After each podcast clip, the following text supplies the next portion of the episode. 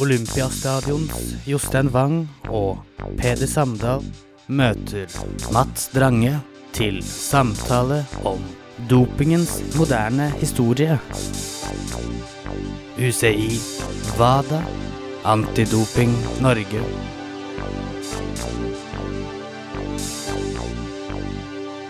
Idrettens mørkere side. Hallo, hallo. Velkommen til en ny eh, episode med Olympiastadions podkast. Mitt navn er Peder Samdal, og i dag skal vi snakke om doping og dopingens historie. Og til å prate om dette har vi med oss Mats Drange, eh, som er nå ute med en ny bok, 'Medaljenes pris dopingens moderne historie'. Velkommen, Mats. Tusen takk.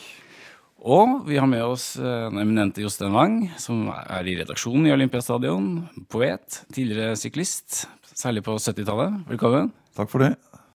Jostein, du har jo lenge ønsket å ta opp dopingtematikken her på Olympiastadion, og endelig, nå får du muligheten. Endelig, og det er godt fordi det har jo vært i vinden, særlig eh, i Norge siste tiden i forbindelse med Johaug-saken, så har dette blitt uh, særdeles aktuelt. Og øh, Boken til Mads kom jo midt i blinken. Men du har jo en annen bok også, som kom ut i 2014. Den store dopingbløffen. Forløperen til den som kom nå. Men han følte seg at årets bok er mer en historisk gjennomgang av, av hele doping, dopingproblematikken. Mens den første boken er, går veldig tydelig og klart inn i enkelthistorier og, og ting rundt det. Ja, altså den, den første boken var jo eh, et det var jo på en måte et slags oppgjør med eh, antidopingarbeidet som jeg da hadde vært en del av i nesten ti år. Eh, og kommet inn i med store si, forventninger og tiltro, og kom ut av det med en, med en voldsom eh, skuffelse og overraskelse over eh, manglende vilje, over korrupsjon, over ja, fraværet av egentlig eh, et ordentlig engasjement for å ta tak i de tingene som disse organisasjonene var satt til, og, og det regelverket de var satt til å håndheve. Så det var mer et forsøk på, på å varsle og fortelle om hvor ille det faktisk sto til i antidopingarbeid internasjonalt. Ikke nødvendigvis for å fortelle om alle som doper seg, men fortelle om hvor lett det var å dope seg hvis man faktisk eh, ønsker å gjøre det, og hvor svakt testsystemene var. Og når jeg var ferdig med den boka, så hadde jeg jo egentlig ikke tenkt å ta i de tingene her igjen. Jeg hadde jo sagt opp jobben i Antidoping Norge og var følte meg ganske ferdig med hele problematikken. Um, så når jeg da noen år seinere skriver den boka her nå, så, så, var jo det eh, Det var jo faktisk eh, forlaget Pakk som tok kontakt med meg. Uh, og da var jeg godt i gang med å omskolere meg til historiker. Uh, og, og, spurte om jeg kunne tenke meg å skrive en bok om dopingens historie. Uh, og I starten så var jeg litt sånn skeptisk, for jeg følte meg egentlig ferdig med problematikken. Men det som gjorde at etter hvert tok tak i det og syntes det ble spennende, var det at måte, den første boka den svarte på eller den, den, sa noe om hvor lett det var å slippe unna. Men han svarte ikke på hvorfor folk dopa seg i utgangspunktet. Uh, og det ble på en måte etter hvert prosjektet med den siste boka. se, Nå har man hatt et, et regelverk i snart 90 år i enkelte idretter, og fremdeles så har det åpenbart regelverket liten legitimitet. Folk jukser folk stadig. Det er nye skandaler som avløser den andre. Og spørsmålet er hvorfor har man ikke kommet lenger? Hvorfor har man ikke respekt for det regelverket? Og Det var måtte, utgangspunktet. Det skulle prøve å leite da, i historien for å prøve å finne et svar på det. Mm. Et av de sentrale poengene i boka di går på, på å forklare hvorfor man ikke har lykkes å komme lenger i antidopingarbeidet, skriver du handler om at det finnes en fortelling om det gode og det onde i antidopingarbeidet. At liksom på den ene siden har du de, de, slemme utøverne og legene som driver med dette her, og så har du de, de snille antidopingarbeiderne som gjør så godt de kan, men som kjemper en, en sånn håpløs kamp. Og den fremstillingen der mener du er feil, da. Eh, hva, er det som ikke stemmer uh, i den uh, fortellingen om gode og onde? Altså Idretten, media og for så vidt òg kanskje ganske mange av, av de som følger idretten verden over, har jo både trodd på å dyrke dette narrativet om, om, om dopene som alltid ligger foran, som alltid på en måte er fulle av masse ressurser og muligheter og utspekulerte strategier for å, for å koke sammen nye dopingmidler og hele veien være i forkant av de som jager dem. Og det er jo på en måte behagelig, en behagelig fortelling for idretten. fordi det eh, medfører jo at det er ikke idretten er noe galt med, det er folk. Altså det er den enkeltes moral, det er liksom eh, det er det, det, det onde i mennesket. Det er det som er på en måte grunnen til at man ikke har bekjempet doping. Og da, da, blir jo hver eneste skandale det blir jo på en måte ikke noe som Da vil man ikke nødvendigvis peke, finger, peke liksom på idretten, men, men på den enkelte. Og, eh, og grunnen til at dette her mm, er galt, det er jo to ting. For det første så har jo hvis du ser på dopingmidlene som brukes i dag, og som har blitt brukt de siste 50 årene, så har det jo med noen få unntak ikke vært dopingmidler som ble lagd som dopingmidler, men legemidler som ble lagd for å behandle mennesker med ulike sykdommer, som etter hvert ble tatt i bruk av idrettsutøvere for å forbedre prestasjonene sine. Men som det i praksis, hvis man ønska hadde satt ressurser inn på det, ikke hadde vært noe problem å funne effektive og gode analysemetoder for å avslørt. Så man har på en måte latt dette skje Uh, I mye større grad enn at juksene har hele veien ligget i forkant. Du har jo eksempler på designe steroider og de tingene der i, i USA med Balco-skandalen og sånne ting. Men i det store og det hele så er, det, så er det ikke på en måte Det er ikke det som er fortellingen. Så det er det ene. Uh, og det andre er jo det at Og det er nå kanskje òg et spesielt norsk fenomen, er det at, det at vi veldig ofte reduserer doping til et spørsmål om den enkeltes moral, handler jo at vi tror fordi vi i Norge har det perspektivet på doping. Og der det er ganske stor enighet om i Norge at det dopingreglementet man har, og de reglene er noe som alle burde følge, så er ikke det nødvendigvis det perspektivet av, et perspektiv resten av verden deler. Og det tror jeg er ganske sånn grunnleggende problem for vår forståelse i Norge av dopingproblematikken sånn i det store og det hele. Hva slags andre perspektiver på doping finnes det i verden, da? Hva er det vi nordmenn ikke forstår? Altså, argument, her tror jeg vi er, liksom, her er vi i kjernen av problemet. For det er på en måte min, en, en, hovedkonklusjon i boken min er jo det at grunnen til at, at, doping fortsatt er et så stort problem, er jo det at det eksisterer ikke i dag noen absolutt enighet om hva som er doping, og hvorfor det vil være forbudt. Og, og, alle som måtte ha spilt krokket i hagen, vet jo det at det er en fordel å bli enige om reglene før man begynner. Eh, men det har man egentlig ikke gjort når det gjelder doping, og argumentene for å drive testarbeid har variert. Altså, I 50-60-tallet så handler det om Altså først, altså før, eh, altså i mellomkrigstiden og på slutten av 1800-tallet, sånn, så handler det jo om Da var jo på en måte bruk av dopingmidler helt OK. Det var nesten noe man så på som en del av konkurransen. og det var liksom det var en tid med framskritt og vekst og utvikling, og, det å skulle forbedre prestasjonene var på en måte egentlig en positiv ting. Det var et medisinske framskritt. Så det at det ble først problematisk når folk begynte å dø, fordi man etter hvert klarte å konsentrere opp så sterke sentralstimulerende midler at folk døde av det. Mm. For noen av de første reglene, dopinginnleggene, handlet vel om utøvernes helse, og ikke så mye om juks i første omgang? Ja, altså Det handler kun om helse. Altså Det var rett og slett uh, forsøk på å begrense den dødelige bruken av stimulerende midler. Men så skjedde det utover på 80, altså utover den kalde krigen, sånn at idretten ble en større og større del av propagandakrigen mellom øst og vest. Så kom jo dette her med moral gradvis inn, der man begynte liksom å peke på den andre parten, at, de brukte uredelige midler for å vinne medaljer. Og da ble jo doping òg en del av den problematikken, og, som kanskje kulminerte med Ben Johnson-saken. Uh, der, det virke, der det, liksom for alvor ble et tema der man liksom så han vant med en meter, svær, svulmende muskler, og liksom det ble symbolet på, på juksemaken. Selv om alle andre i feltet var dopa samtidig, det vet vi jo i dag. Uh, så ble det et veldig sånn sterkt symbol, og det førte til en nasjonal selvransakelse i Canada, der de bl.a. opprettet det som heter Canadian Center for Ethics in Sports. Uh, og, så da begynte det plutselig å handle om moral. Men så svingte det igjen tilbake, for på 90-tallet, når, når, bloddoping og EPO for alvor ble et kjempeproblem, så klarte jo idretten egentlig å omdefinere hele det dopingproblemet til et helseproblem. Så startet man med helsetester og helsegrenser. altså Hadde du for høye hemoglobinverdier, så fikk du ikke starte. Og Man presenterte det som et helseproblem, men det var jo fordi at folk dopet seg så mye at de holdt på å dø i løypen av blodpropp. Men da snakket man ikke om doping, da snakket man om helse. Og så kom opprettelsen av WADA og den mer moderne antidopingarbeidet de siste 20 årene. Der måtte dette med moral og etikk ha kommet inn igjen. Så det har på en måte aldri vært en enhetlig måte, forståelse av, av, doping som noe galt. Mens unntaket har jo da vært i Norge, og der det på en måte, i motsetning til resten av verden, nesten helt siden andre verdenskrig har faktisk har handla om moral. Men det er ikke noe det har gjort uh, de andre stedene. Kanskje vi snakker om WADA. da?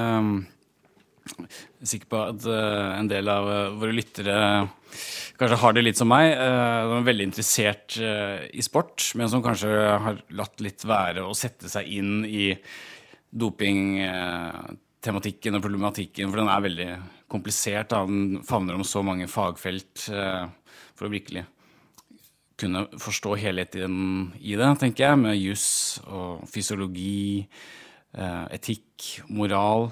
Um, så er det mange instanser eh, i dette antidopingarbeidet. Kanskje du kunne tatt en sånn liten gjennomgang av hvem, hvem er hvem, hvem gjør hva? En litt sånn doping fordømmes. WADA, f.eks. Kan starte med dem. Ja, WADA er jo et, eh, en, en, organisasjon som ble oppretta i 1999.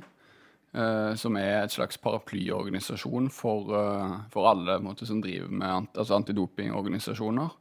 Eh, og som er de som da lager eh, Som setter sammen dopinglister og reviderer den årlig, og som har en del standarder for testing og for oppfølging av dopingsaker, for medisinske fritak og på en måte for all administrasjonen. Så De lager på en måte reglene, det er de som lager lovene og reglene. Eh, og WADA består da halvparten av myndighetene, så det, og finansieres halvparten av myndighetene, og halvparten av idretten.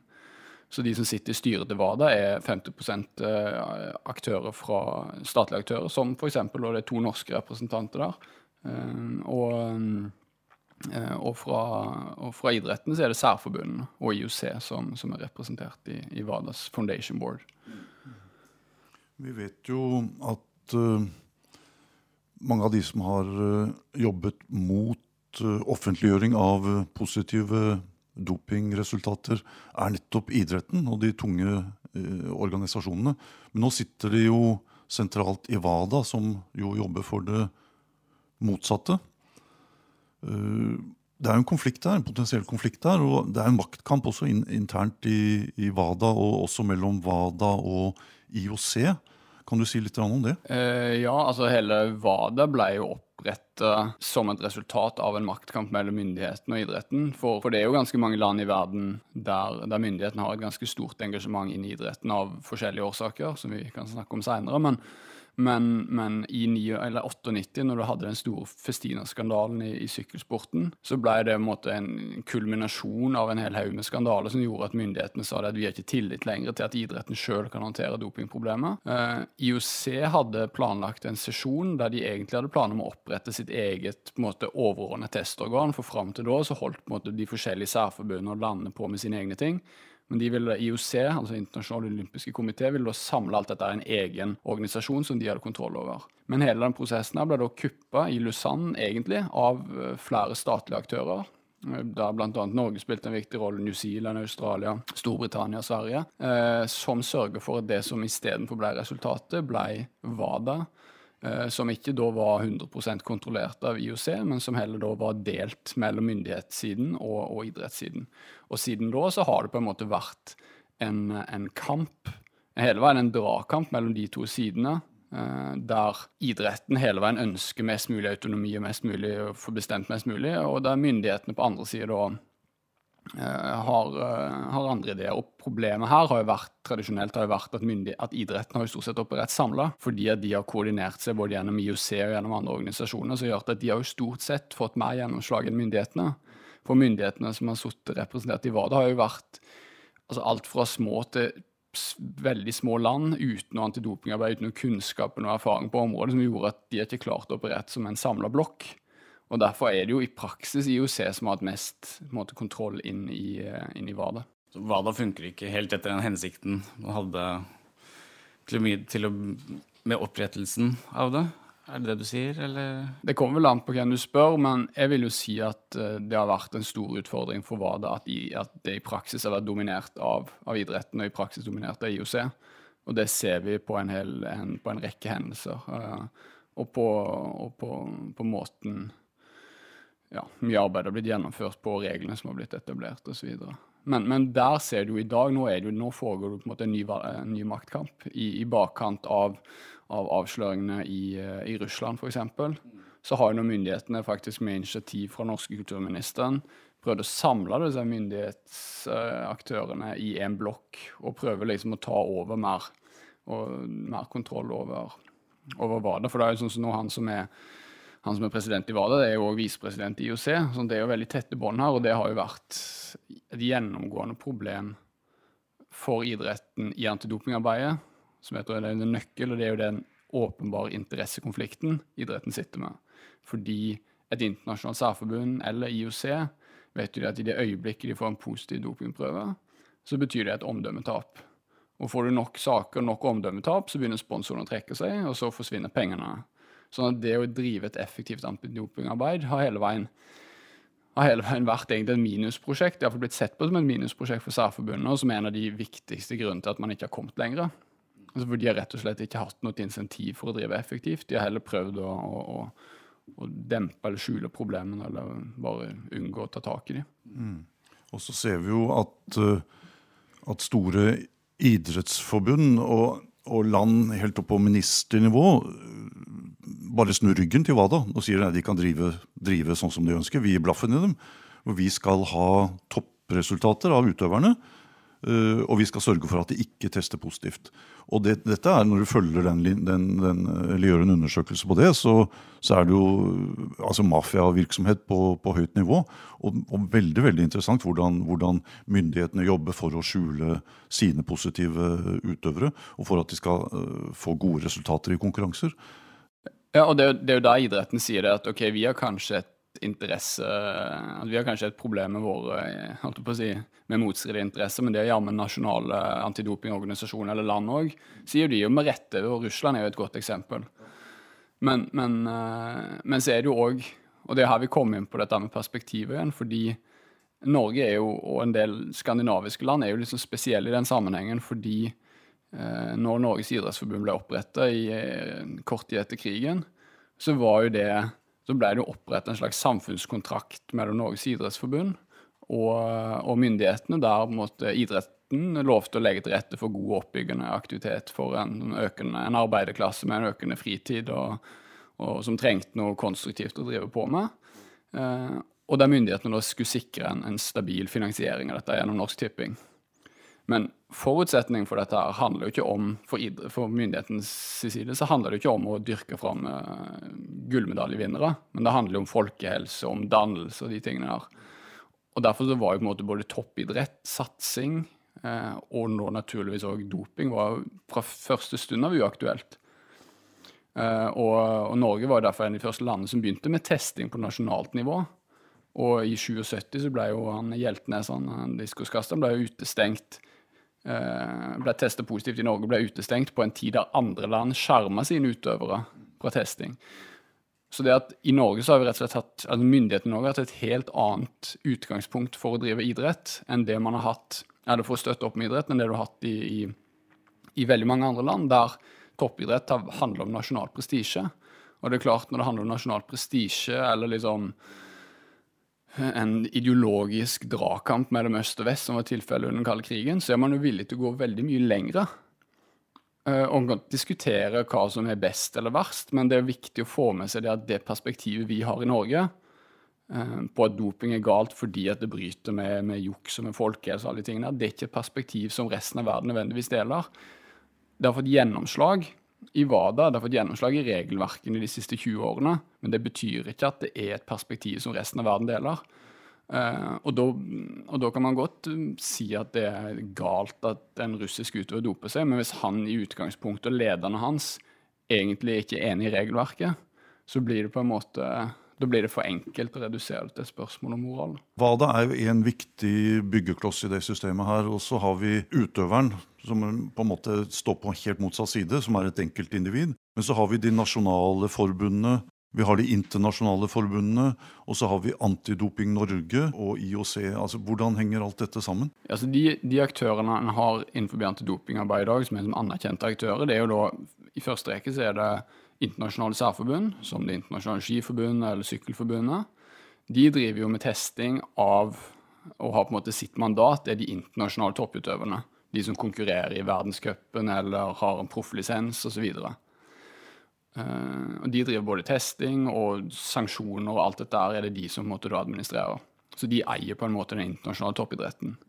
Men så har du nasjonale antidopingbyrå, som Antidoping Norge eller det amerikanske antidopingbyrået eller svenske osv. De har da sitt mandat, som er den nasjonale idretten. Så da de ansatt for å teste utøvere på lavere nivå. De kan òg teste nasjonale toppidrettsutøvere, som òg er en del av internasjonal toppidrett. Men det gjøres da en slags Der har man da en slags kontakt med de internasjonale særforbundene, sånn at man jo ikke gjør dobbelt opp eller, eller tråkker i hverandre sitt bed. Men de har i utgangspunktet da forskjellige områder. Så det er de to på en måte, organisasjonene som i all hovedsak driver med testing. Eh, men så har du da WADA, som i utgangspunktet ikke skal drive med testing, men som av og til gjør det, men som i utgangspunktet da er de som eh, regulerer lovverket, og som og som driver oppsyn med og så har som en kontrollfunksjon overfor Nasjonalt antidopingbyrå og Internasjonalt særforbund for å sørge for at de både gjør testing og oppfølging av positive prøver og alle de tingene her i henhold til det internasjonale regelverket, som da er WADA-koden. Så det er på en måte de tre viktigste aktørene i, i testarbeidet. Mm. Så når VM på sykkel foregår i Bergen, så er det ikke Norges Sykkelforbund som utfører dopingtestene? sant? Nei, Norges Sykkelforbund, nasjonale eh, særforbund, de har ingen ansvar i antidopingarbeidet. Verken nasjonalt eller internasjonalt. Så de skal ikke drive med testing. Så når det er sykkel-VM i Bergen, så er det Det internasjonale sykkelforbundet, UCI, som er ansvarlig for testingen. Men de vil jo da ta kontakt med det nasjonale antidopingbyrået og be de om å gjøre testing på vegne av seg. Men da er det på en måte de som, som vil ta, hvis det har vært en positiv prøve, så er det de som ville tatt saken videre i sitt system. Mens var det NM i sykling, så ville det vært Antidoping Norge som sto for testingen og for oppfølgingen i etterkant. Og så snakker vi om uh, akkrediterte laboratorier rundt omkring i verden. Jeg vet ikke hvor mange det er, men det er vel eh, relativt mange ute og går. Uh, men så hører vi også at de mister akkrediteringen uh, innimellom. Hvor mange sånne laboratorier har vi, og hva skal til for å bli godkjent? Nei, Jeg er ikke sikker på akkurat det eksakte antallet. Det er jo på hvert eneste kontinent, og i Europa så er det fem-seks stykk. Gjaldt bare her. Eh, men, men, akkreditering av laboratoriet er jo òg en av oppgavene til WADA. De skal føre tilsyn med at dopingtestingen, skal da, altså selve analysene, skal bli gjort på samme måte over hele verden. Samme, måte, samme metode, samme rigide eh, kan du si, eh, struktur for, for gjennomføringen av prøvene for analysene. Og de sender ut blindprøver, de fører tilsyn, og hvis disse her akkrediterte laboratoriene da ikke leverer i henhold til kravene, så vil de bli fratatt eh, autorisasjonen til å drive dopingtesting. Men tanken er jo det at, at, eh, at prøvene alt skal bli på en måte gjort likt over hele verden, og at om eh, i Norge sender ut noen kontrollører til eh, USA for å teste norske utøvere i USA, så kan de sende prøvene til et laboratorium i USA, og de vil bli behandla på akkurat samme måte som de ville bli gjort på Aker i Oslo. Du har jo selv jobbet i Antidoping Norge i en del år, eh, og vært innom veldig mange deler av antidopingarbeidet. Alt fra testing av utøvere til mer sånne administrative oppgaver. Eh, kan du fortelle litt om tiden din i Antidoping Norge, og hva du jobbet med der? Uh, ja, jeg begynte jo som dopingkontrollør mens jeg studerte. Og så gjorde jeg det gjennom studiene. Når jeg var ferdig da i, Jeg studerte jo, jeg tok en mastergrad i, i fysiologi på idrettshøgskolen. Så når jeg var ferdig der, så begynte jeg å jobbe i Antidoping Norge. Altså, det jeg gjorde de første årene, handla vel mest av alt om å prøve å, å å bringe si, mer vitenskap inn i testarbeidet. Eh, både når det gjaldt bl.a. opprettelse av et blodprofilprogram, eh, som da skulle lede både til, til mer målrettet testing og til oppfølging, og, og til risikovurdering og ja, rett og slett prøve å bringe mer si, vitenskap inn i testarbeidet. Så det var liksom det jeg holdt på med de første årene der. Eh, forskning og utviklingsarbeid. Og, og og etter hvert så jobba jeg òg eh, en del internasjonalt. Var med i utvikling av internasjonalt regelverk. Og IVAD bl.a. knytta til, til, blodprofil og de tingene der. Uh, og de siste årene så fungerte jeg òg som, som måtte, avdelingsleder for kontrollavdelingen. Da på måte ansvarlig for testprogrammet i norsk idrett. Når var det du begynte å tenke på at dette var noe du kunne skrive om? Du kjente på en litt sånn frustrasjon over uh, at antidopingarbeidet ikke gikk som det burde. Er Det, var det noen sånn øyeblikk da du skjønte at dette her, uh, det her funker ikke? Altså, det var en gradvis prosess. og Det å skrive boka det hadde jeg på en måte egentlig ikke bestemt meg for før etter jeg hadde sagt opp jobben. Men jeg, høsten 2012 var vel da jeg på en måte ble ganske sikker på at dette her Eh, kan jeg ikke være med på lenger. Um, og én ting handler altså For når jeg gikk inn i dette her og opplevde Jeg ble jo overrasket over uh, først at uh, hvor tilfeldig veldig mye var. Jeg, var, jeg var, hadde et veldig tillit til at både nasjonalt og internasjonalt så var dette et veldig avansert arbeid. Altså Jeg hadde jo hørt myten om de, de smarte dopene og de som liksom kom etter. Og jeg forventer at de som kom etter, da, antidopingorganisasjonene, hadde et veldig sånn rigid eh, apparat og veldig kunnskap om doping og veldig sånn gjennomtenkte strategier for å avsløre doping. Og så kommer jeg både nasjonalt og internasjonalt og ser at det ikke er tilfellet. Altså Det er helt tilfeldig. Veldig mange, mange, av de som driver med antidopingarbeid rundt omkring, kan ingenting fysiologi, de kan ingenting, veldig lite idrett. Uh, de kan ingenting treningslære. altså det, det, er helt, det er veldig tilfeldig. Men i starten så, så jeg på det som egentlig et mulighetsrom. tenkte ok, men Her kan du være med å gjøre en forskjell. Du kan en del om idrett, du kan en del fysiologi. Du kan være med liksom, løfte dette arbeidet. Uh, og, det, og, det, gjorde jo at jeg fikk mye tillit og fikk lov til å være med på mye og ble brukt mye internasjonalt. Så jeg, jeg synes det var jo veldig gøy i starten. Men så skjønte jeg òg at de på en måte klappene på skuldrene du fikk, og de eh, innspillene du kom med, og det arbeidet du gjorde Du kom på en måte bare et stykke, for så skjønte du at her var det fryktelig mye motstand og du opplevde at, at, eh, at, det egentlig ikke var noe reelt ønske om å endre på noe. Og Det handler ikke bare om treighet, men det handler rett og slett om at, at, villigheten til å ta i bruk nye verktøy, til å bruke penger på forskning og utvikling, var ikke til stede. Og da føler du at det du holder på med, egentlig blir ganske sånn meningsløst etter hvert. Og, og, det som i hvert fall en av de tingene som tippa for min del, var i høsten 20, 2012. Da var jeg i, i Vada på et møte om eh, Jeg husker ikke hva det var om en gang. men men der jeg fikk vite om at uh, et studie som var gjort under friidretts-VM i Daegu i Sør-Korea, uh, der man hadde spurt utøvere om uh, de hadde brukt doping eller ikke, anonymt da selvsagt, og over 40% hadde svart at de hadde dopa seg. det var da et, et vitenskapelig studie som WADA hadde latt lokk på.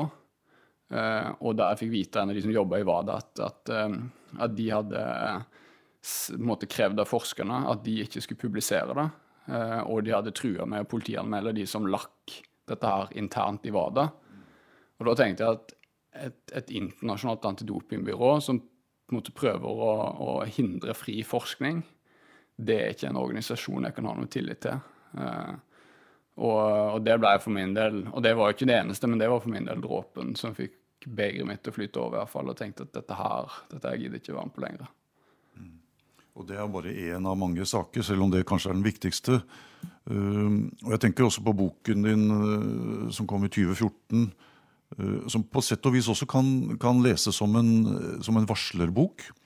Hvor du setter ned foten og sier at sånn er det egentlig ting for, Så råttent er det innenfor idretten og innenfor idrettspolitikk. Eh, ble du sett på som en varsler? Altså Fikk du negativ oppmerksomhet rundt det, eller ble det jublet fram, og ble du hentet ut i hele verden for å holde foredrag om, om dette her? Altså det var vel litt uh, Jeg ble definitivt ikke henta ut i verden for å holde foredrag. Men uh, jeg tror det var litt delt, fordi det som umiddelbart fikk veldig mye fokus, var jo det at jeg skrev om Altså Jeg brukte jo eksempler fra mitt arbeid der liksom helt anonymt, men skrev om norske utøvere altså, som, som dopa seg, og som slapp unna. Uh, og det var jo på en måte for illustrert sjøl i Norge, da, der man mener man har kanskje et av de beste antidopingprogrammene i verden, så var det i praksis ikke noe problem å dope seg og slippe unna. Det var jo på en måte poenget jeg ville få fram med å eksemplifisere. Uh, men det var jo veldig mye det som tok fokus. Sånn Det ble veldig spørsmål om hvem er disse utøverne, hvorfor henger det ut norske idrettsutøvere. Så det var jo veldig mange som hang seg på den. Selv om jeg sa jo ingenting om verken idrett eller kjønn eller noe som helst. Det var jo umulig å identifisere de av tusenvis av norske topputøvere. Så det var litt, for meg så ble det litt søkt, men, men det var nå engang det som ble fokuset. Men så gradvis så følte jeg at det var iallfall en del av de kommentatorene som som jobber i media, som, som kan noe om idrett, da, som etter hvert støtta opp om dette her og sa nettopp dette her var viktig å, å, å lytte til. Eh, og jeg tror jo eh, noen sånn tre-fire år etterpå så er det veldig mye av det jeg sa da som ikke ville vært spesielt kontroversielt å si i dag. Altså På den tiden så var det veldig få som kritiserte WADA. WADA hadde en veldig høy stjerne. Jeg hadde jo sett fra innsiden at, at, det var gjerne ikke en posisjon de fortjente. Nå tror jeg det er kjent for de fleste, eh, og kritikken mot WADA har blitt mye tydeligere fra mange hold. og og, og, det som er påpekt i den første boka om, om, idretten sitt sterke grep om WADA, eh, det er på en måte blitt en kjent sak. Og, og de fleste ser nå mye tydeligere at, at, at, at antidopingarbeidet har veldig store svakheter, og, man er ikke kommet så langt som man kanskje trodde. Men, men, i 2014 så var nok det mye mer kontroversielt å hevde enn det er i dag. Vi ser jo at WADA opplever sterk kritikk og motstand. Vi ser at IOC, altså Internasjonale olympiske komiteen, eh, får pepper i alle kanaler. Eh, det samme gjelder jo Norges Skiforbund eh, og Norske olympiske komiteen. Altså, alle er store og sentrale aktører innenfor, innenfor idretten, og alle får juling. Og det er noe med anseelse og i og for seg også tap av anseelse og det foregår en kamp der også. Eh, og I tillegg så har du utøverne som, som på sitt og vis uh, står utenfor alt dette her. Det de gjør, er å, å gå uh, langrennsløpet sitt eller kjøre sykkelløpet sitt, og så kommer de i mål. Og, og om de doper seg eller ikke, det, det, er ok, sånn er det. Men den store kampen foregår ikke på idrettsarenaen, det foregår i, i, de store politiske organisasjonene. Mm. Uh, ja, og det, det, er jo blitt Altså, idrett har jo alltid vært mye politikk og mye storpolitikk. Uh, men, eh, men nå har jo òg doping blitt det i mye større grad. Eh, og det er jo et sånn et relativt nytt fenomen, kan du si.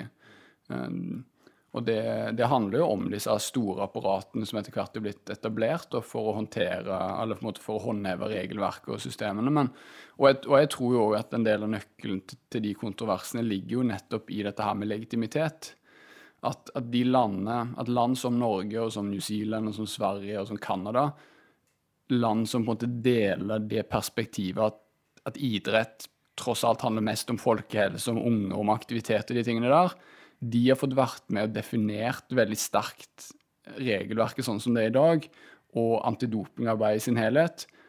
Mens land som Russland eller store deler av Asia og Sør-Amerika og, Sør og Afrika uh, som gjerne har et helt annet perspektiv på idrett, de ikke måte, de har bare blitt på en måte, de har fått dette regelverket, disse systemene har tredd ned over hodet, uten at de egentlig deler perspektivet. Uh, og så kan, man, så kan, man, si at de har et galt perspektiv, og vi har et riktig perspektiv, men du kommer på en måte ikke noen vei den veien. Uh, fordi at det regelverket har liten legitimitet der uansett. Og det er klart at når det kan se ut som omtrent alle russiske toppidrettsutøvere på et eller annet tidspunkt har dopa seg. Så blir det jo for dumt å si at det er fordi, det er fordi de er dårlige mennesker. Jeg tror ikke at russerne i utgangspunktet er dårligere mennesker enn nordmenn. Så det blir på en måte en veldig forenkling. Men, men det er jo på en måte i den det er jo her på en måte konflikten ligger. da. Det ligger i rett og slett en forståelse som jeg sa, i forståelse av hva er doping, hvorfor skal det være forbudt, og hvor skal vi sette grensene. Og der er det liksom egentlig en ganske liten elite hvis du kan si det sånn, da, som har vært med og satt de grensene og gjort de definisjonene, og resten av verden måtte bare måtte hengt med. Men, men, der har da ikke regelverket hatt den legitimiteten, og derfor har de heller ikke forholdt seg til reglene på samme måte. Mm. Men på ett nivå så, så, koker det alltid ned til utøveren. Altså utøveren selv står der, og så har du uh, pillene foran deg på bordet. Og så er spørsmålet skal jeg ta disse her, eller skal jeg ikke gjøre det og det er et valg. Eh, det valget kan man, kan man, gjøre veldig tungt og krevende og komplisert. Eh, eller man kan si nei, det er greit, bare ta det. Altså Man kan feie det bort. Eh, og, og, så Én ting er utøveren, men utøveren får jo ikke tak i dette her alene. Altså, ok, Man kan alltid raide apoteker i Frankrike og Italia og Spania og hente ut spennende produkter som man tester positivt på. Men stort sett så er det jo leger med på leken. Eh, fordi det er relativt komplisert. Og til syvende og sist er det, er det livstruende, det, det utøverne driver med også. Så man må ha leger med i, i, dette spillet. Og legene har jo også en slags moral og etikk som de burde hegne om eller ta vare på. Men i tillegg, så over de igjen, så har du eh, den store industrien, altså den farmasøytiske industrien, som jo utvikler produktene, men ikke med tanke på idrettsutøvere eller misbruk, som du sa, men på tanke på helse eller på pasienter sånn som trenger dette her. Men da har du legene som kjenner til det, og som tar det med seg ned til idretten, hvor det ligger ekstremt mye penger. Eh, og hvor kommer pengene fra? Én ting er det offentlige, altså L og, og sponsor, sponsormidlene. Og vi snakker ikke om altså Det er ikke snakk om uh, en håndfull millioner. Vi snakker ekstremt store, store, summer her. Og det at det er så mye penger og makt og, og sånn i spill også, det gjør det jo ja, Kanskje det ødelegger litt av terskelen. Kanskje terskelen for å ta dopingmidlene vaskes ut, fordi det er så positivt, eh, det er så mye positive koder der. Altså, Du kan kjøpe deg en villa hvor som helst for 20 millioner hvis du bare vinner. Eh, fordi det, gevinsten er så enorm. Altså, Hvis du vet hvordan du skal vinne i Lotto, selv om det er ulovlig, så vil du kanskje ta og gjøre det som skal til for å, for å, for å, for å gjøre dette her. Nå. Men det er vanskelig å unngå. Det, sånn, sånn, er det. Sånn er det spillet her. og men, men jeg, tror, jeg, tror, samtidig det er jo viktig å huske at, at, det er mange andre regler i idretten som man òg kunne brutt eh, og fått en stor gevinst av. Selv internasjonal toppidrett der det står om ganske mye penger, men der man allikevel ikke gjør det. Uh, og det er mye fair play-regler, f.eks. Altså, uh, for det å spille ballen ut ved sidelinjen hvis en motstander er skada. Det er ikke noe du er pålagt å gjøre i henhold til regelverket. Du kan gå fram og score. Allikevel så gjør man ikke det, sjøl i en kamp der det står om millioner. Og det har jo noe med at de spillerne som faktisk er ute på banen, deler oppfatningen av at det er galt å gjøre. Altså, det er ikke fair play. Og derfor gjør de det ikke sjøl når det handler om penger. Så når, ut, når de samme på å si utøverne, når utøvere velger å dope seg, sjøl når det òg står om penger, så må jo det òg være fordi at det er klart det finnes jo kyniske mennesker som er villige til å gjøre alt for å vinne. Men når flertallet i mange idretter gjør det, så må det jo være fordi at de faktisk ikke syns det bryter med fair play-reglene. Og jeg tror det liksom, det er der litt av nøkkelen er. Og, og sykkelsporten, som du kjenner godt, er jo et fryktelig godt eksempel. For der hadde man, spesielt fra 90-tallet ut, og kanskje litt før òg, men der, der måtte eh, det ble en ø veldig økt profesjonalisering og mer og mer penger inn i det, samtidig som rittene ble hardere og lengre, og, og sesongen lengre i begge ender, og, og, tiden til å restituere seg ble kortere. Og der må liksom pressa rytterne til, til, å prestere stadig bedre. Og der doping egentlig ikke handler om nødvendigvis å få øke prestasjonsevnen, men rett og slett bare om å vedlikeholde den gjennom et ritt eller gjennom en sesong. Og derfor, og da er vi på den medisinske etikken. Da, men, men, hvis du har sykla hvis du er liksom på tredje uke Tour de France, så har du sannsynligvis lave testosteronverdier. At det å, å få et tilskudd med, med, testosteron er kanskje til og med medisinsk ikke bare forsvarlig, men kanskje til og med en fornuftig behandling. Uh, sånn at var, du hadde på en måte i, i sykkelsporten så har du hatt, hatt en, en, glidning der mot hva er doping og hva er medisinsk behandling, og hvor er grensene på en måte bare sklidd over i hverandre i, i en prosess der idretten er blitt enormt krevende, og der ingen på en måte har satt ned foten. Og det er derfor, og det er der det blir veldig vanskelig å komme i etterkant og si på en måte at, at det dere holdt på med der, var galt, fordi at det ble en del av kulturen. Det ble, det ble på en måte en, en del av, av, hele sporten. Og, og, I Norge så satt vi og så på disse i, i, under Festina-skandalen så på de rytterne som satte seg ned i protest mot testing og tenkte herregud, for noen idioter. Men for de så var det helt selvsagt. Altså nå, nå har de pressa oss til å prestere i årevis. Vi trør oss gjennom den ene, ene rittet etter det andre, og så, og så, får vi kjeft og blir jagd av politiet fordi vi gjør det som skal til for å klare det. Altså, Så her har det noe med perspektivene på, på, på det vi kaller juks. da. Det har jo også ført til at de som faktisk ikke dopet seg, ble de store taperne i den sammenhengen her. Og det var jo en del av de også ute og gikk, særlig i sykkelmiljøet, men også andre miljøer. Uh, også norske utøvere som, som vi vet uh, har tatt klar avstand fra doping. Men det komiske oppi alt sammen også er jo, er jo når feltet stopper fordi han som har den gule trøya, har et eller annet uhell, velter eller noe sånt, så stopper hele feltet for å vente på han. Men samtidig så er 70-80 eh, av feltet er, er dopingmisbrukere. Så det er en sånn, ok, Man har en intern etikk på at ok, vi venter på ham, men så har man en annen etikk hvor man faktisk gir blaffen i de som ikke bruker doping, uh, og, og, legitimerer det. da.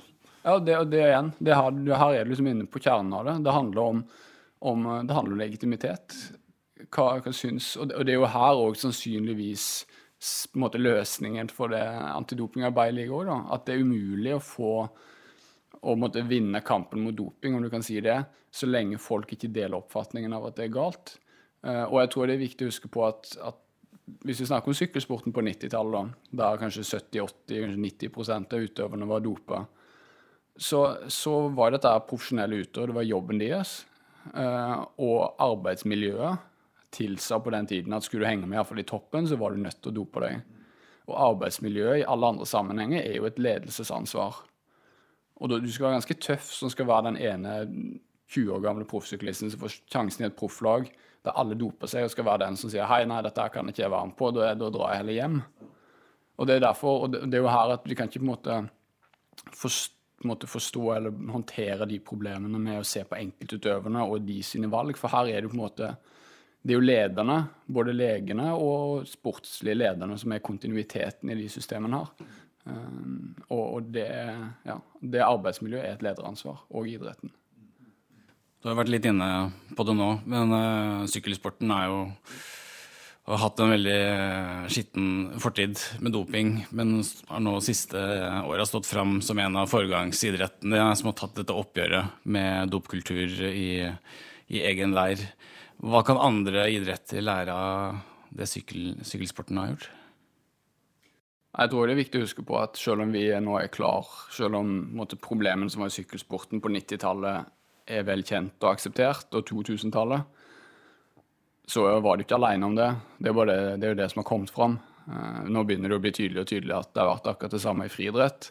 Og jeg er ganske sikker på at, at hvis man, når journalister eventuelt begynner å grave i de andre store særforbundene, i langrenn, i skiskyting, i skøyter, i svømming, så vil du finne akkurat, om ikke akkurat de samme metode, eller akkurat samme måten dopingen har foregått på, så har det hatt det samme omfanget av bloddoping og EPO i alle utholdenhetsidretter, internasjonal toppidrett på 90-tallet.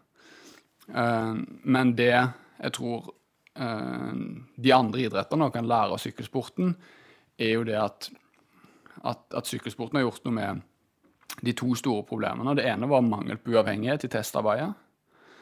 Uh, det ene, Og det andre det var dette her som vi snakket om med legitimering og dette med aksept og enighet om reglene. og Det første var det at de satte ut i UCI, altså Internasjonalt sykkelforbundet, begynte å sette ut en del av testing og antidopingarbeid til en, en måte, uavhengig enhet. Sånn at det ikke lenger var de som eide idretten som, og hadde mye taper på dopingskandaler, som skulle på en måte drive testarbeid. Det skulle være en uavhengig enhet. Og de satte òg i gang et blodprofilprogram som var på en måte state of the art, og, og drev et veldig, ganske, fra 2008 av drev ganske, har drevet et ganske effektivt testprogram og et ganske uavhengig testprogram. Men det andre og kanskje vel så viktige elementet var jo det at de skjønte også at her er vi nødt til å forankre disse ideene ned i lagene ned på utøvernivå. Så det de gjorde, var at de forplikta alle profflagene eh, til å være med å betale for testingen. Så de skulle både betale for testingen, og de fikk, de fikk ansvar i å følge opp regelverket altså i, med tanke på forebyggende arbeid og informasjonsarbeid ut mot rytterne. Sånn at det er klart at Hvis du er med og driver og bruker masse penger av laget til å drive et antidopingarbeid, så er det klart at både, det gjør jo noe med holdningen til doping, men det gjør òg noe med det økonomiske insentivet for å dope utøverne sine. For da på en måte betaler du både for testingen og for forsøkene på å lure systemet. Så det har nok gjort noe med at du har fått, iallfall i en ny, den litt sånn yngre generasjonen av rytterne, har du nok fått, tror jeg, ganske tydelig at du har fått en endring i holdningene fra sånn det var på 90-tallet når det gjelder doping. Og du har fått mindre doping i sykkelsporten. Det er jo ikke sånn at dopingen er ute av det, for det tar jo tid, og mange av de samme lederne er jo holdt på å si dessverre med ennå. Men at det har skjedd noe, da, det så handler det kanskje også om uh, at aktører utenfor uh, idrettens verden har interessert seg for hva som har skjedd der, da, med politietterforskninger og sånn opp mot Lance Armstrong f.eks. i syklingen, eh, som satte i gang den prosessen der. noe av det samme har vi sett med det som har skjedd i Fifa, hvor FBI har gått inn i, i forbundene i Nord-Amerika og avdekket forferdelige ja, korrupsjon og, og, det som verre er. Eh. Vi så jo uh, programmet Det heter Oppdrag Norden, var det ikke det på TV? Som gikk ganske hardt inn på skiforbund, Norske Skiforbundet. Oppdrag granskning. Oppdrag granskning, stemmer. Mm. Og de har ett eller to programmer.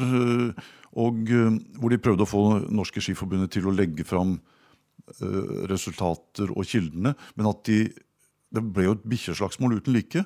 Eh, og per i dag så har vel ikke resultatene eller, eller, eller tallmaterialet blitt lagt fram fra, fra, fra Norges Skiforbund. Det er fortsatt skjult.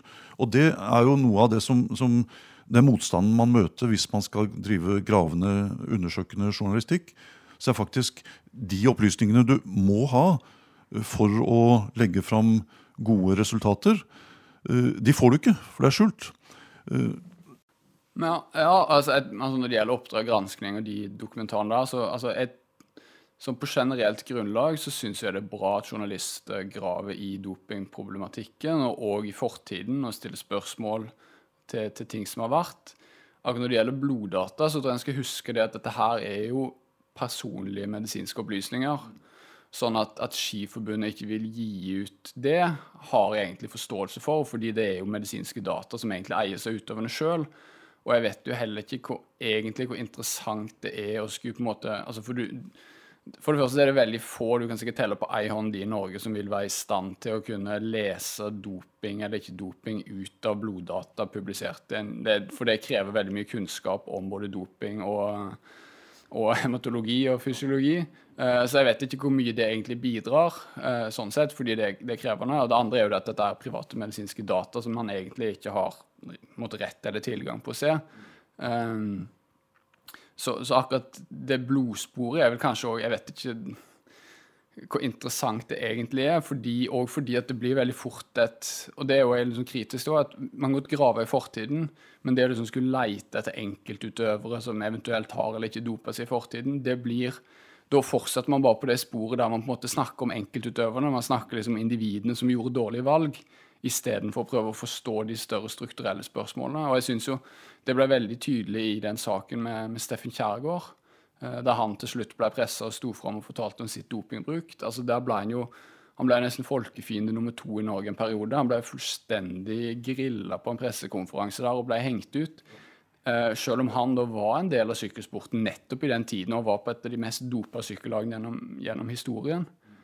Uh, men det var ingen som prøvde å skjønne, altså ingen som spurte Steffen Kjærgaard om ja, men å forstå hvorfor ble det sånn, hva var det som gjorde at, at idretten ble, ble si, så infisert av doping. og Det var ingen som prøvde å skjønne det. De var bare ute etter å ta en. Hvorfor i all verden kunne du gjøre så dårlig valg? Du må være et forferdelig dårlig menneske.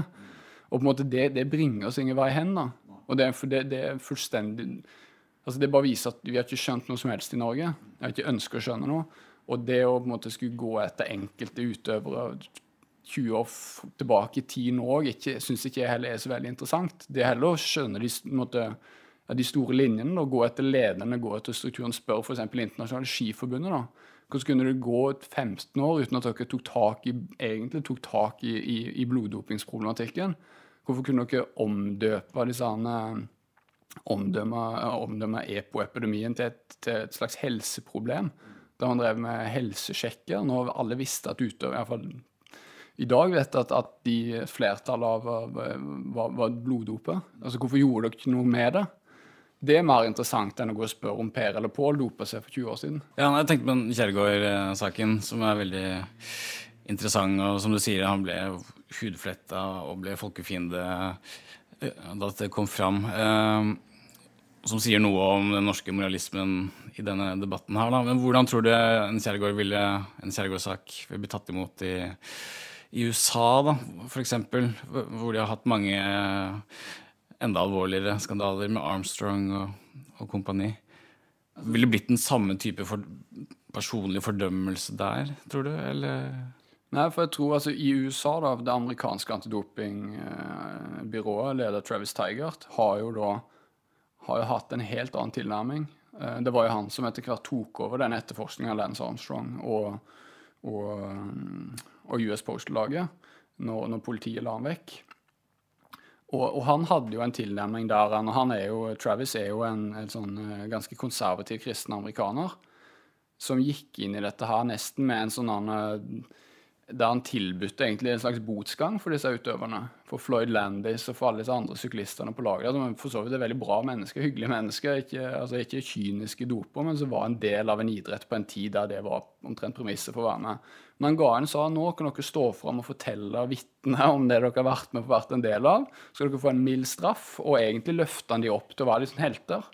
De som bidro til å, å å rense opp i fortiden og sørge for at sykkelsporten kunne få en ny vår. omtrent. Det var, det var omtrent sånn. Og Lance Armstrong fikk også det tilbudet.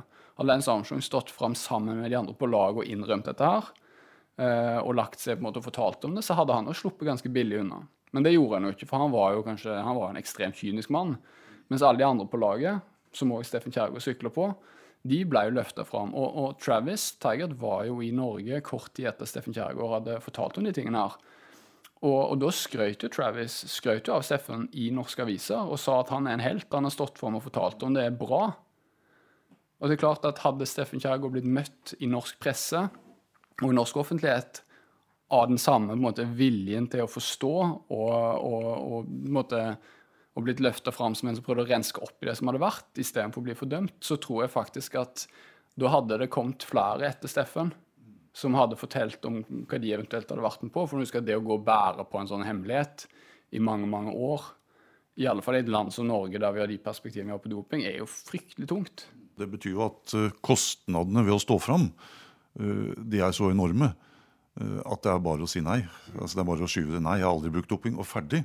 Og så er det en diskusjon lagt Og det er helt umulig å, å, å, å få sagt om det, den påstanden er riktig eller ikke. Men det, det jeg husker godt uh, når jeg kjørte sykkel, var jo at vi kom fra et Norge hvor vi var helt uvitende og uskyldige. Og så dro vi utenlands for å kjøre løp og trene og konkurrere, og vi traff internasjonale uh, gode folk. Og det var derfra kunnskapen om doping ble, ble flyttet, da, eller overført. Vi snakket med ryttere fra Italia, Belgia, Nederland, altså overalt i Europa. Og de var alle sammen mye lenger framme når det gjaldt dopingbruk enn det vi var. Uh, og de hadde med kofferten full av preparater uh, og solgte det og, og, og, ga oss tilgang til det hvis vi ville ha det. Uh, og det var åpent. og i tillegg så var jo apotekene hadde jo åpne dører og solgte alt hele tiden. reseptfritt. Så vi trengte ikke noe annet enn en god, en god kilde og en god oppskrift. Og så var det bare å sette, sette seg ned og, og, spise eller drikke eller hva man gjorde. sånn. Så det var inngangen til doping den gangen. Uh, I tillegg så er det en annen ting som er viktig også, at det var ikke tester. Det fantes ikke en eneste test i Norge den gangen. Det var ikke noe forbud mot det. Det ble ikke snakket om det i, i klubber eller på nasjonalt nivå heller. Det var ikke-eksisterende. Uh, så brukte du doping, så gikk du fri, og du kunne gjøre akkurat som du ville. Så det var i og for seg en ja, den, den naive eller enkle virkelighet på 70- og 80-tallet mm. i Norge. Mm. Ja, altså De første dopingtestene i regi av norsk idrett var vel i 77. Det var vel spede start. Men sjøl det var jo tidlig i internasjonal eh, sammenheng av nasjonalt testsystem.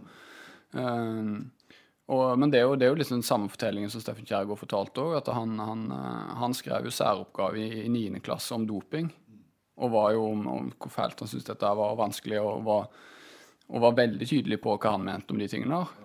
Men da etter flere år i, i et internasjonalt proffsirkus, eh, så så han at etter hvert så ble jo de holdningene brutt ned i møte med en helt annen kultur. da. Eh, og det tror jeg nok er ganske representativt for, for norske toppidrettsutøvere som endte opp med å dope seg. At det har vært i møte med internasjonal toppidrett der man har ja, igjen andre perspektiver, da, og der regelverket har en annen legitimitet. At, at man har begynt med det. Ja, nå nærmer vi oss snart uh, slutten her, men uh, vi står foran et nytt uh, OL neste år i Sør-Korea. hvordan er det med deg, Mats? ser du fram til et nytt vinter-OL? Med alt du vet om idrett og doping, klarer du å glede deg til OL? ja Nå har jo jeg ja, og De siste årene så er jeg vel stort sett alpint jeg har følt meg på. det er jo der jeg føler at der er det, der er det minst eh, å hente på doping og, og mest andre ting som avgjør, i hvert vinteridretten. Men altså, men spøk, spøk til side, så, så så er det jo dessverre sånn at i, eh, i OL i, eh, i Sør-Korea som i alle de andre foregående OL, så vil IOC vil i forkant vil si at nå har vi altså Internasjonal olympisk komité vil si at ja, vi har et mye bedre testsystem enn noen gang. Det vil i praksis være mulig å slippe unna. Vi skal ta 5000 dopingprøver, og vi skal få det reneste OL noensinne. Uh, og de vil sannsynligvis ta feil igjen. For det er dessverre fortsatt sånn at i alle fall når det gjelder de dopingmidlene der du kan, du kan bruke på en måte i forkant og ha en fordel av under mesterskapet uten at du doper det akkurat når det foregår, uh, så vil det fortsatt være sånn at de fleste vil kunne dopes og slippe unna med det òg i, i, OL i, i Sør-Korea. rett og slett fordi at i de færreste land i verden og regionene så er det så er det sånn at du faktisk løper en særlig risiko for å bli tatt.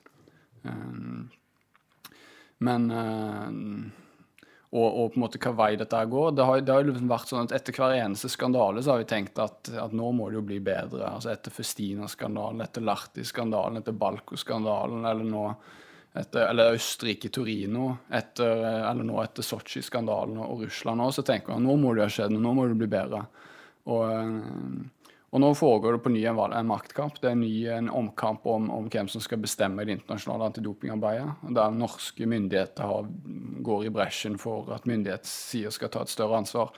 Og kanskje, jeg får håpe at det, det, det vil være med å, å løfte antidopingarbeidet og, og, mm, måtte, og kanskje òg på sikt skape større legitimitet for det verden over. Men, men eh, OL i, i, Korea er nok litt for nærme til at jeg tror du vil se de helt store effektene av det ennå, hvis, hvis, de i det hele tatt kommer.